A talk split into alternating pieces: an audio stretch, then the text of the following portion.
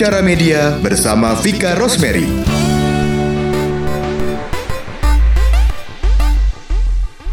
Halo, saya Vika Rosemary, praktisi radio selama 20 tahun. Saat ini saya siaran dan menjadi program director di 103.8 Bravo Radio. Ini adalah podcast tentang media jadi saya akan mengundang para praktisi di dunia media, baik media konvensional maupun media digital, dan kami akan membahas mengenai seluk-beluk media, perkembangan media dari mulai era 20 tahun yang lalu sampai sekarang, dan dapurnya media lah intinya, dan bagaimana media konvensional bisa survive di era digital ini. Dan di episode Bicara Media kali ini, saya bersama dengan seseorang yang sudah saya kenal sejak mungkin 25 tahun yang lalu ya Uh, sekarang beliau ini menjabat sebagai Chief Creative Officer ISBG Indonesia, uh, yaitu M Ismail Fahmi. Namanya emang sangat Islami, tapi kita biasa memanggil kami biasa memanggil dia Ismet. Dan topik kali ini kita bicara soal iklan kreatif di era digital. Okay. Jadi uh, Chief Creative Officer ISBG Indonesia itu apa sih Matt? Jelasin dulu sedikit mungkin gambarannya okay, biar uh, pendengar tahu. Oke, okay, ISBG Indonesia itu cuma salah satu dari dari kerjaan gue. uh, Oke, okay, ISBG Indonesia itu sebuah agency yeah. uh, lengkap lah, ada multiple arms lah, ada activation juga, ada conventional arms juga, ada digital armsnya juga. Tapi di sisi lain, yeah. gue harus ngomong gue juga uh, ada agency lain. Bukan agency itu sebuah publicity agency, namanya Kinanti Publicity. Itu okay. kerjaan gue apa? Jualan film. Oke. Okay. Film marketing agency itu salah dua. Ah, Ada lagi dua. beberapa yang lain tapi yang berkaitan sama komunikasi ya dua itulah. Dua itu ya. Iya. Oke, okay, tapi yang sekarang uh, kita bahas sebenarnya di podcast ini adalah mengenai iklan. Yes. Jadi kan dunia gue itu dunia radio dan yes. Uh, banyak yang bilang bahwa makin ke sini jadi kalau gue bandingin sama 20 tahun yang lalu ketika gue pertama kali siaran sampai ke 10 tahun yang lalu tuh adalah era kema uh, 10-15 tahun yang lalu adalah era ke keemasan radio. Iklan semua di radio dan segala ah, macam uh, gitu ya. Kalau gue ingat juga dulu Citra Pariwara banyak iklan radio yang menang. Masih. 10-15 tahun yang lalu. Nah, sekarang masih. Sampai ke sini uh. banyak yang bilang terutama teman-teman dari marketing klien agak susah nih placement iklan okay. di radio, mereka lebih banyak lari ke digital. Oke. Okay. Bener nggak? Kalau sekarang menurut mereka beriklan di digit media digital okay. itu uh. lebih menguntungkan, lebih tepat sasaran. Oke. okay. Uh, eh, kita harus balik ke esensinya iklan tuh apa sih? Uh -uh. Esensi iklan kan sebetulnya sebuah promo yang ditayangkan di media dengan ada pertukaran uang di sana. Uh -uh. That means kalau dari sisi klien uh ada budget yang yeah. harus mereka yang yang akan mereka spend uh -uh. untuk memasang iklan. Benar. Untuk bisa spend budget itu pasti ada reasoning why-nya kan. Yeah. Nah, di reasoning why-nya itu ada dari mulai oke okay, halayak sasaran kita ada di mana, mau pasang berapa dan lain-lain lah ya. Hmm. Ada key performance index apa yang mau kita achieve. Uh -uh. Oke, okay, balik ke situ. The problem is pertanyaan terbesarnya ada nggak data komprehensif mm -mm. yang bisa. Me, di radio ya untuk radio data komprehensif yang bisa memperlihatkan siapa yang mendengarkan iklan di radio terestrial ya radio radio terestrial ya seperti ini mm -mm. yang disiarkan disiarkan lewat udara diterima ada nggak datanya? Oke, okay. biasanya sih kami pakai Nielsen tuh Matt. Yes, dan itu kan researchnya kayak apa? kuesioner toh mm -mm. belum ada people meternya toh Hmm, katanya udah ada sih. Ya sampai saat ini sih gue belum lihat data people meter yang di radio. Oke. Okay. Uh, kuesioner. Yang isi kuesioner ini siapa? Beneran orangnya atau dikasih ke pembantunya? Nah, itu dia. Nah, that's the biggest problem. Okay. Siapa yang bisa mempertanggungjawabkan dat uh, apa namanya uang yang di spend oleh klien untuk memasang radio mm-hmm. untuk bener nih, bener nih reach audience lu. Oh, bener nih uh, achieve KPI lu. Mm. Who knows? Mm. Nobody knows. Makanya akhirnya radio yang pertama kali kena. Oh. Kalau menurut gue ya, ketika okay. ada eh ternyata matriksnya clear nih di digital nih jam berapa kita pasang, jam berapa naik, jam berapa dengerin jam berapa lihat, jam berapa itu kelihatan semua berapa orang dari yang mana SSE-nya sesuai dengan yang mereka submit. Masa? There you go. Kalau di digital lebih kelihatan? Bisa kelihatan. Tergantung lu pasangnya di mana. Kalau misalnya okay. lu pakai uh, ad toolsnya YouTube, ad toolsnya Facebook, ad toolsnya Google lah. Yes, you can see. Iya sih, kelihatan sih. Berapa, yes. Misalnya di jam-jam berapa orang oh, iya. banyak nonton YouTube. Dan siapa dan lu bisa ngeset nih gue pengen spending budget 100 juta gue bahkan sampai ke sedetil ini nih hmm. gue pengen spend ke orang-orang yang ada tinggal di kelapa gading aja yang lain yang di luar kelapa gading nggak perlu lihat itu bisa dilakukan sehingga di di kepala klien hmm. itu budgetnya sangat bisa dipertanggungjawabkan sangat efisien okay. sangat tepat yang kayak gitu yang tidak bisa di provide oleh radio sampai detik ini. Oh, itu menurut lo ya? Kalau yang gue lihat ya seperti itu, karena okay. Ya alasan gue pernah ngobrol dengan seorang klien, ayo dong pasang di nih gue ada budget nih Matt. Hmm. dia bilang gitu. Nih gue ada budget nih hmm. sekian ratus juta. Hmm. Gak banyak sih. Hmm. sekarang nih gue taruh di radio. Pertanggungjawaban lo apa? Hmm, oke. Oke okay, gue gue percaya gue percaya sama medium audio. Pertanggungjawaban lo apa? Bagaimana cara memperlihatkan budget yang gue spend? Hmm. benar-benar reaching my target. Oke. Okay. how? Berapa banyak yang bisa ya, ya yang bisa lo kasih?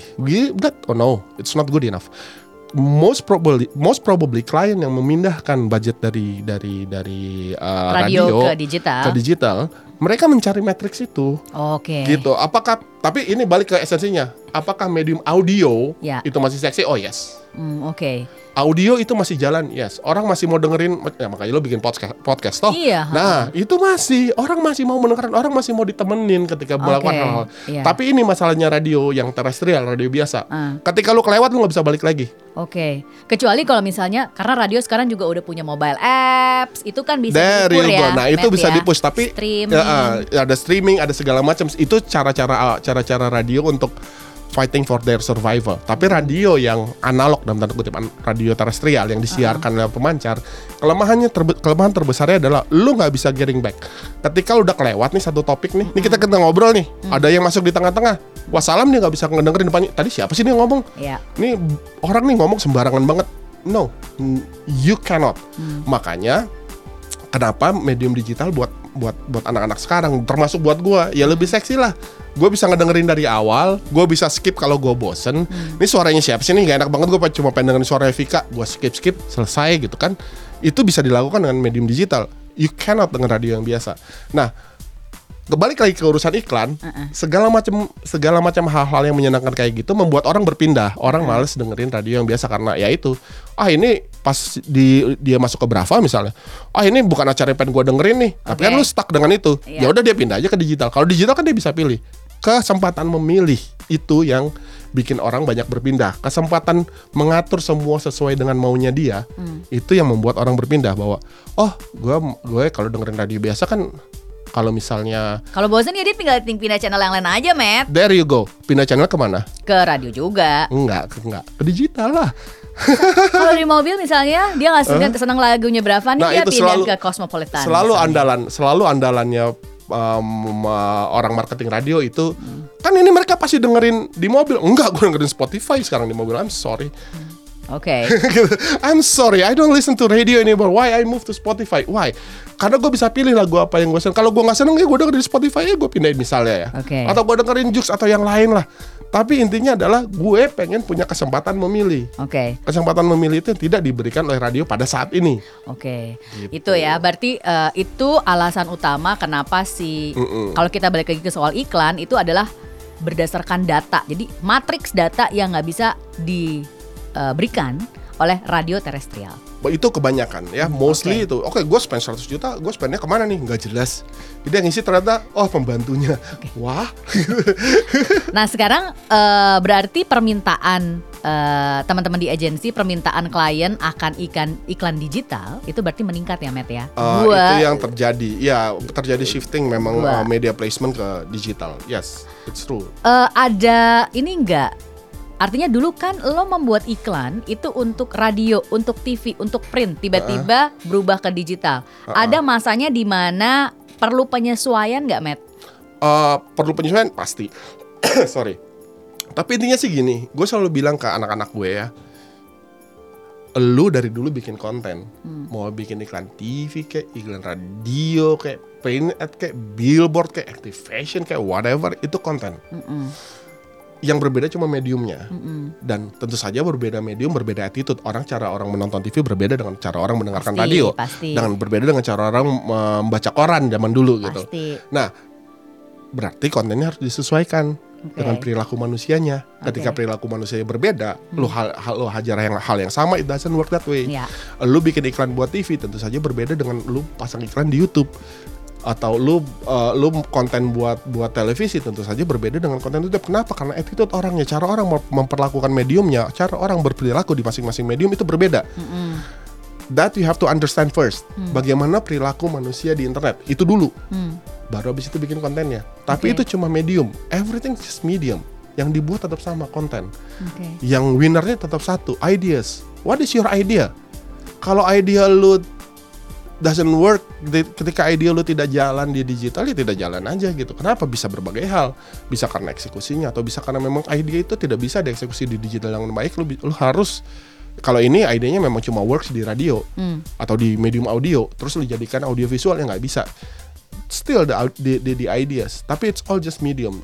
Yang kita harus pahami adalah bagaimana perilaku manusia di medium itu. Bagaimana um, medium baru itu membuat orang perilakunya berubah Oke. nah itu yang ya, ya, ya yang terpenting sebetulnya bahwa konten kreator yang sekarang terkenal terkenal itu Iya, yang banyak yang hebat dari yang banyak dari mana-mana itu endorser kah? one thing yang mereka sangat pahami apa? mereka hidup di sosial media, Hmm. mereka hidup di internet, sehingga mereka paham betul perilakunya orang di internet, Hmm. sehingga mereka bisa bikin konten yang Yang bikin orang Oh, oke. menonton, mengapa, bla bla Ya itulah. Mereka jadi saingan eh, lo dong, Matt berarti ya, teman-teman di agency. Enggak dong kalau buat gue.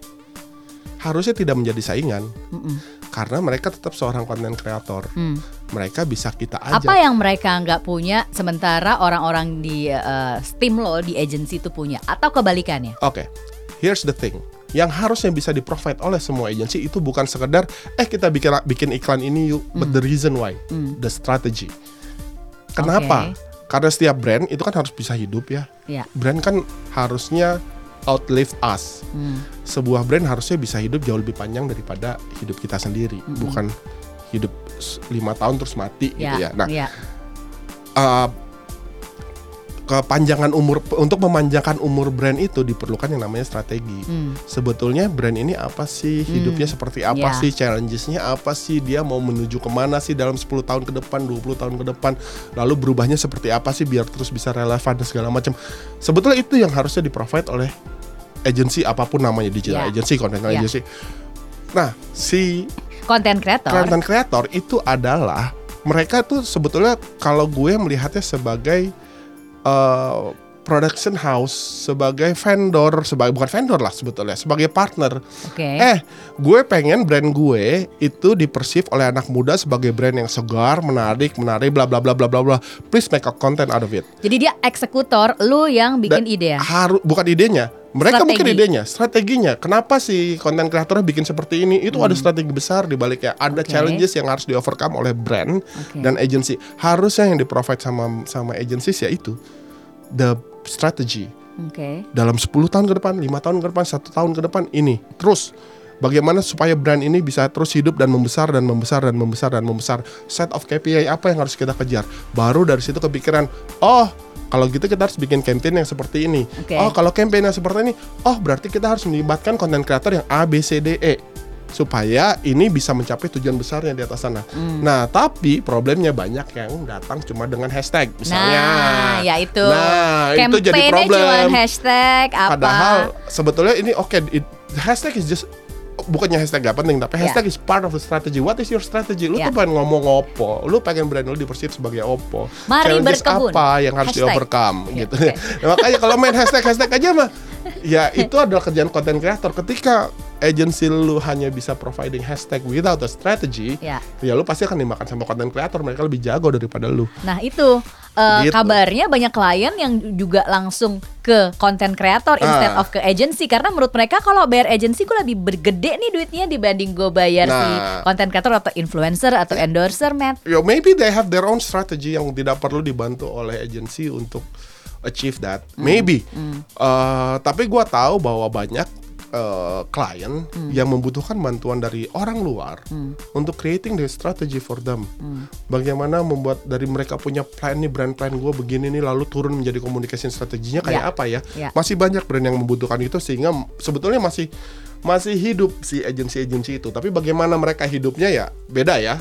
10 tahun 20 eh 20 tahunan yang lalu lo masih bisa minta agensi fee yang besar. Tapi Ya. kalau sekarang well, productionnya kan udah nggak di lu, productionnya di content creator. iya. Lu cuma provide strategy. Iya. Ya live with that, change your ya dia harus diubah gitu loh um, apa Cara namanya, pa- cara berpikirnya, cara pandangnya dan bisnis ya. modelnya tentu Ben- saja. Oke. Karena ya memang sekarang dunianya berubah. Ya. Ya, kita masih sama-sama berubah nih, sama-sama meraba Ya, nih. ya, ya, ya. we'll see lah what happen gitu. Eh, menurut lo eh, dulu pun ya orang make eh, public figure, make bintang film, make model Ha-ha. sebagai orang untuk mempromosikan produk. Heeh. Sekarang yang terjadi eh, orang make eh, apa namanya tuh selebgram, Ya. youtuber, Oke, oke, gitu-gitu ya, Matt ya. Ya. Ini sama nggak? Kalau misalnya nggak sama, berapa lama ini akan bertahan? Oke. Metode seperti ini akan bertahan. Dulu kan ya sebetulnya sih gini, ini sama-sama pakai metode endorsing.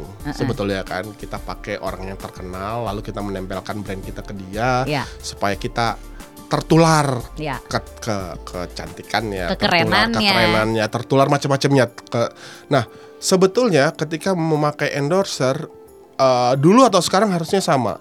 Yang dihitung adalah efek dari endorser itu terhadap brand kita. Hmm.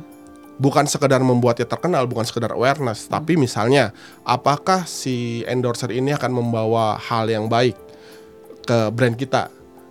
Lux misalnya gue paling seneng mengutip Lux untuk urusan endorser karena dulu dia tuh sering banget Pakai. menggunakan dari zaman awal dia muncul pakai bintang film lah Ida Yasha. Ida Yasha dan lain-lain sampai ke Dian Sastro sampai ke iya. Ma- Mariana Renata semua lah Iya. gitu yang semua the best the best itu selalu ada di yang yang perempuan dijadikan Lux, endorsernya iya. Lux dan mereka very proper. Iya. karena yang mereka pilih memang yang image. Ya mereka melihat image-nya seperti apa mereka melihat efek terhadap brandnya seperti apa.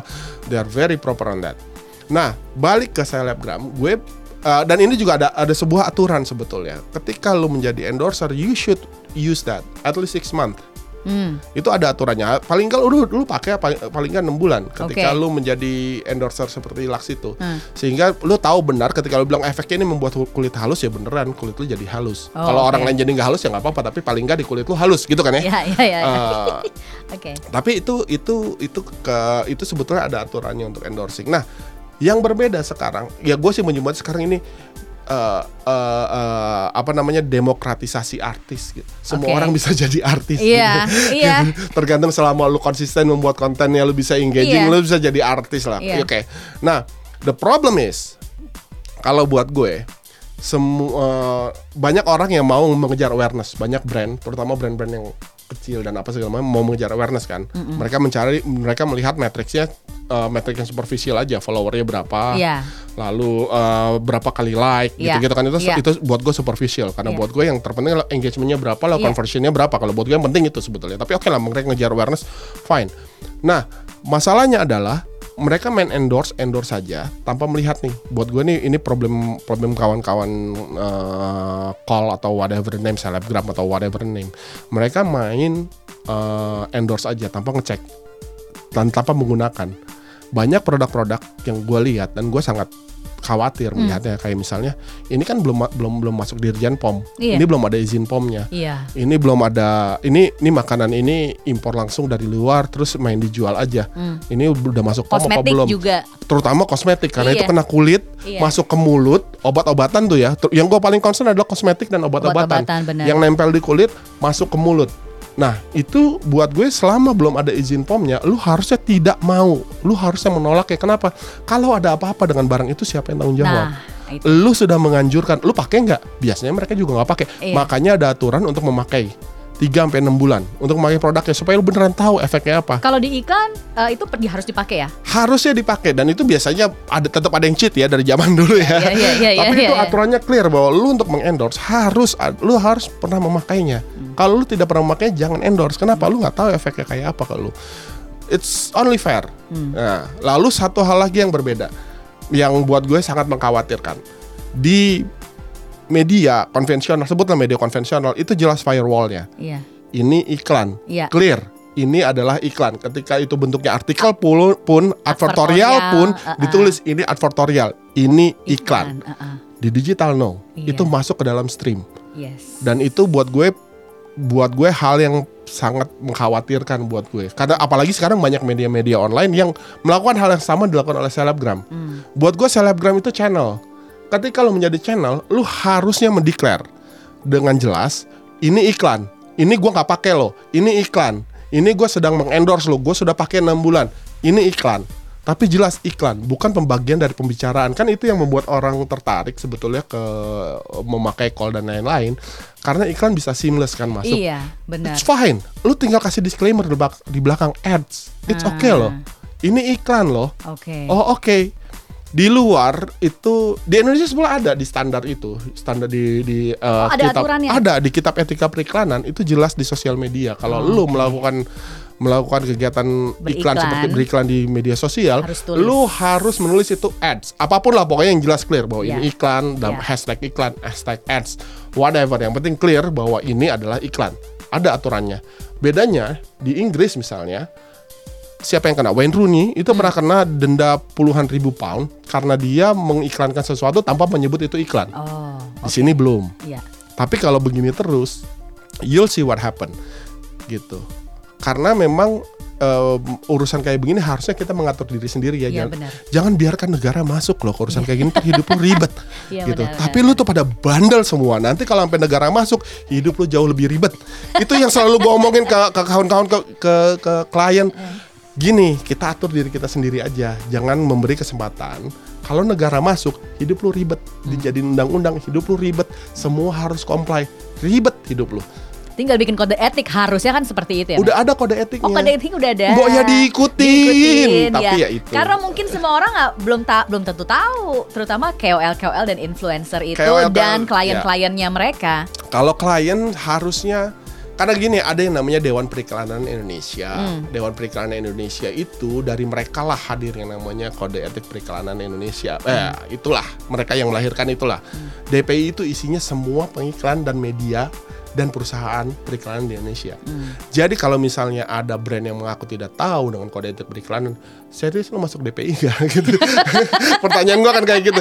Iya masuk. Terus gimana caranya lo nggak tahu? Ada kok di sana gitu. Nah itu itu sebetulnya masalah mau tahu atau pura-pura nggak tahu ya itu. Tapi intinya sih gua buat gue begini, buat gue yang penting adalah lo membiarkan ini menjadi hukum. Kalau misalnya lo bandel terus, ini dijadiin hukum positif.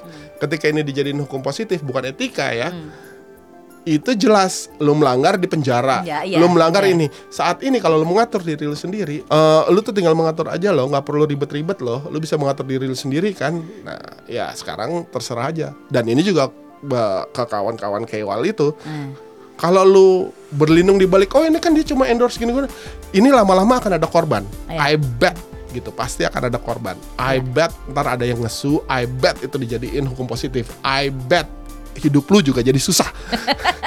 so please think, ya gue tahu godaan duitnya gede lah, ya wajar lah. Ya Iya, gue gue iya, paham iya, lah iya, urusan kayak gitu. iya, Ya gue juga cincai lah gini. Tapi it's just a warning. Nanti pasti ada korban. Lalu ada korban yang marah. Lalu korban yang marah misalnya melakukan class, class Class action, ke action, lu. iya. Lalu misalnya menuntut ke mana-mana. Lalu itu tiba-tiba dijadiin hukum positif. Hidup lu ribet men. Ayolah. Ini ada etika lu ikutin aja etikanya. Jangan bikin hidup lu ribet di ke depan nanti. Oke. Gitu loh. Sekarang gini, Matt. Eh, gimana biasanya apa pesan ya yang lo kasih ke anak-anak muda nih yang sekarang mau masuk agensi, Heeh. yang masih mau masuk agensi? Di era digital marketing ini, digital advertising ini, di mana mereka harus bersaing melawan tadi KOL, influencer, selebgram dan lain-lain. Eh, mereka juga punya strategi gimana memasarkan produk dengan bagus. Apa pesan lo kepada mereka? Don't. Yang, yang mau jadi yang jadi copywriter, yang mau jadi apalah kreatif. Lu ngapain sih gitu Tapi intinya sih enggak gini sih. Um, the there's always room for great ideas. Hmm. Jadi yang terpenting itu ide- your idea. Ide lu apa sih? Hmm. Dan lu harus memahami tuh mediumnya. Ini cuma medium loh, internet dan lain-lain itu cuma medium. Iya. Pahamilah, pahamilah perilaku orang ya. Dari situ lu bisa creating great ideas. Dan itu akan membuat hidup lu jauh lebih mudah di periklanan. Apakah dun iklan, iklan akan mati? Banyak orang yang dari zaman dulu bilang, "Oh, iklan akan mati," bla bla. No. Iklan akan terus hidup, Ya. tapi dia akan terus menyesuaikan diri terhadap mediumnya. Sama tuh. bentuknya. Terus aja begitu. Pesan gue ke anak-anak baru yang mau masuk radio juga gitu. Mm-mm. Menurut gue sih radio nggak akan mati ya, tetap jalan walaupun sekarang udah ada Spotify, Uh. udah ada podcast. Tapi bahkan di Amerika pun negara yang tempat lahirnya radio gitu ya, Mm-mm. radio sampai sekarang masih ada dan dan berarti di tengah teknologi macam teknologi ini Uh. media radio itu masih bertahan. Cuman ya itu tadi seperti kata lo. Bentukannya harus berbeda. Ya, gitu. lo harus Karena- mampu beradaptasi. Lihat, gue paling senang lihat radio-radio Jepang dan Korea. Itu Hmm. selalu yang gue jadiin referensi. Look at their content. Mhm. Seriously, siaran radio mereka, lalu mereka pengembangannya ke mana-mana. Oh, I love them. Karena buat buat itu memberi kesempatan orang-orang yang miss, yang apa untuk bisa ngelihat. Bukan sekedar mereka pakai apps, Hmm. tapi konten mereka begitu kaya. Bukan sekedar muterin musik, tapi ada yang lain, ada yang lain, ada yang lain. Wah itu banyak. Ada komik ya? ada kom, macam-macam lah, macam-macam lah. Tapi itu menyenangkan buat gue. Jadi memang ke semua orang sih ketika lu mau masuk ke dunia marketing seperti ini ya marketing eh, dunia media ya lu harus paham mediumnya gitu jangan ulangi kesalahan para senior gitu. maksudnya kesalahan para- kayak Lu gini nih senior gak? ya well I've made lots of mistakes gitu loh tapi intinya kayak gini eh kasus media cetak gitu misalnya Iya, dan ini yang paling iya. problem buat gue karena dulu tuh ketika media cetak ketika ada eh, digital banyak yang menolak resisting tuh gue nggak mau berubah gue nggak mau Iya, berubah iya. Eh, gua tahu ada beberapa uh, technological ya wartawan yang kemudian menjadi evangelis teknologi yang berusaha mengubah dari dalam itu banyak yang mental-mental ke mana-mana. Iya, I know iya. that for sure. iya. Terus ketika mereka akhirnya mulai kehilangan pembaca, mereka panik. Hmm. Lalu apa yang mereka lakukan? Mereka ju- just porting. Porting itu cuma dari cetak Terus jadi digital. That's no. it, iya. Attitude-nya berbeda, cara Iya, kita memperlakukan iya, berita di internet iya, tuh berbeda. iya. Cara menulis lu juga mau tidak mau harus berbeda, Hmm. mau tidak mau gitu. Nah, banyak yang akhirnya cuma porting-porting aja sembarangan, akhirnya ya ini udah bikin biaya besar untuk bikin websitenya, lalu di lalu media cetaknya juga makin lama makin dying. Mm-mm.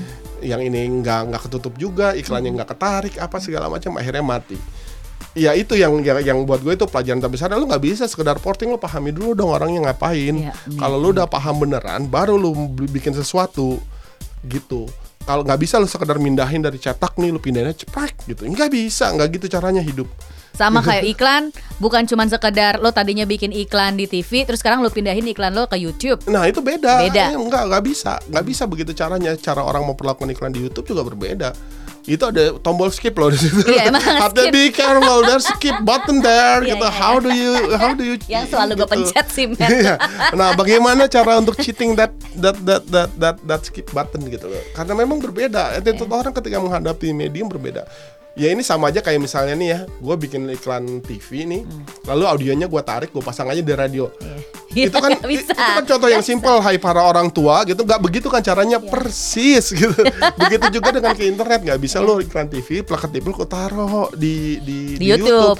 No, itu nggak hidup seperti itu dunianya. People memperlakukan medium dengan sangat berbeda. Orang berlaku dengan sangat berbeda di, di, di medium yang berbeda. Hmm. So please understand dulu. Nah, ini juga problem yang banyak klien yang mengira dengan bikin iklan TVC lalu ditaruh di YouTube, YouTube, aja. mm-mm. It's going to work no. Hmm. Atau juga naruh di YouTube terus ditarik aja ke TV. No, no, no, no, no. Bukan begitu caranya. Atau iklan sekarang ada di Instagram juga ada Iya, Insta sama TV dan gitu. segala Iya, macam Instagram iya, Stories. iya. Bukan begitu caranya. Bukan Oh, begitu caranya. You- Iya, iya. Kalau buat Instagram you think, buat Instagram apa yang apa yang works buat Instagram apa yang enggak. Tiba-tiba lu naruh satu setengah menit kan langsung ke, ke IGTV gitu misalnya. Sesimpel itu gitu. Lu bikin iklan satu setengah menit lu taruh di Instagram lu kan otomatis ke IGTV. Satu menit baru bisa di, di, di time streamnya dia. Tapi di situ otomatis gagu tuh. Lu orang harus klik dulu untuk bisa bunyiin. How do you cheat that? Itu kan berbeda lagi dengan YouTube yang otomatis bunyi. Bunyi, gitu. iya, Dan berbeda lagi dengan Facebook yang otomatis juga silent gitu. Iya, iya. So which one? Makanya berbeda-beda nih. Lu harus adjust untuk masing-masing medium gitu. Oke. Ah udahlah, untung sih ya. Untung eh, gua agak capek sih ya karena gua cukup gap gaptek gitu ya. Tapi Emang- paling enggak Emang gua tahu lu orang tua, Fik. usaha gua untuk membuat podcast. ya oke ini usaha lu ya. Gua hargai sih lu bikin podcast. Iya kan? Karena banyak yang nggak sadar bahwa podcast itu dua tahun yang lalu gua udah ngomong loh ke banyak orang. Bahwa Ini podcast akan hidup.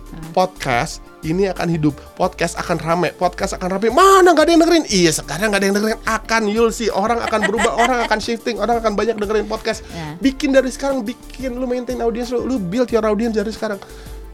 Masya Ya. Allah 2020 baru pada bikin Ke mana aja tuh yang baru bikin dari zaman dulu tuh Lu lihat tadi Radika berapa yang dengerin ya, Eh. tapi kebanyakan orang-orang yang sekarang ada di podcast itu 10 besar semua orang radio sih, Matt. Iya, Ya, akhirnya. anak-anak radio. Yes, Dan ya yang mereka yang muda-muda Nah sih. karena buat gue ini tetap yang gue bilang ke semua orang yang paling jago ah urusan audio itu anak radio Hmm.